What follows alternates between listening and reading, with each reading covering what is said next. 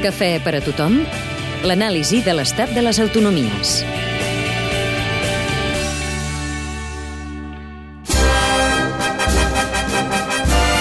Catalunya es queixa que el govern espanyol no li és prou lleial. No inverteix el compromès a l'Estatut, no paga els deutes pendents i no saber negociar gairebé res. El catedràtic Germà Bel hi posa números. L'any 2011, de cada 100 euros que s'havia d'invertir a Catalunya, 35.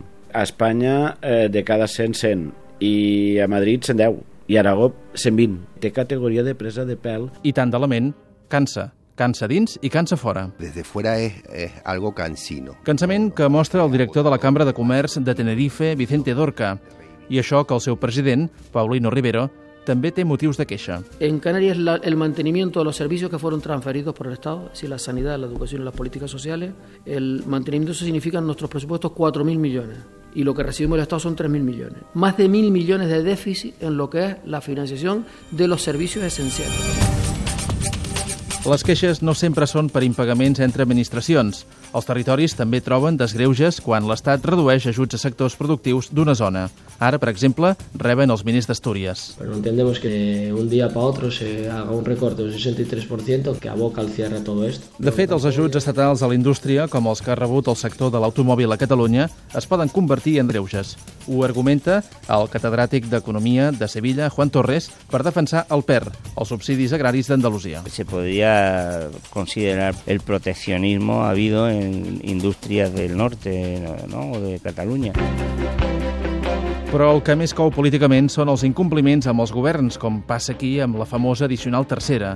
Però d'inversions previstes a l'Estatut impagades també en tenen a l'Aragó, Andalusia, Castella i Lleó i les Balears. Catalunya ha, in ha inclòs aquestes inversions estatutàries, però no estan reconegudes. En aquest aspecte, el president balear, José Ramón Bausà, va ser contundent davant del ministre Montoro. O cobrem tots o cap. Si Catalunya té reconeguts les inversions estatutàries, també l'han de tenir reconegudes en altres. I la resposta de Madrid va ser cap.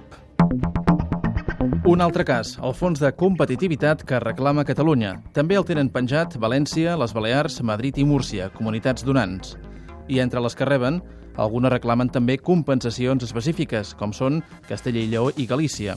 Ho explica la consellera gallega d'Hisenda, Elena Muñoz. Una de nuestras reivindicaciones es que se tenga en cuenta la dispersión de la población. Nosotros tenemos que soportar un coste de prestación de servicios superior a otras comunidades, pues por ejemplo en el ámbito del transporte escolar. Però Galícia estan d'enhorabona. De les poques inversions de l'Estat en obra pública, aquest 2013 se'ls ha de construir el tren d'alta velocitat. Hay comunidades que llevan muchos años favorecidas por unas infraestructuras que Galicia en este momento no cuenta con ellas y el ejemplo claro es el del AVE. A Catalunya, amb la connexió amb Europa pendent, no s'entén que es prioritzi l'AVE a Galícia, ni tampoc a Extremadura, ara que Portugal ha aturat la seva connexió.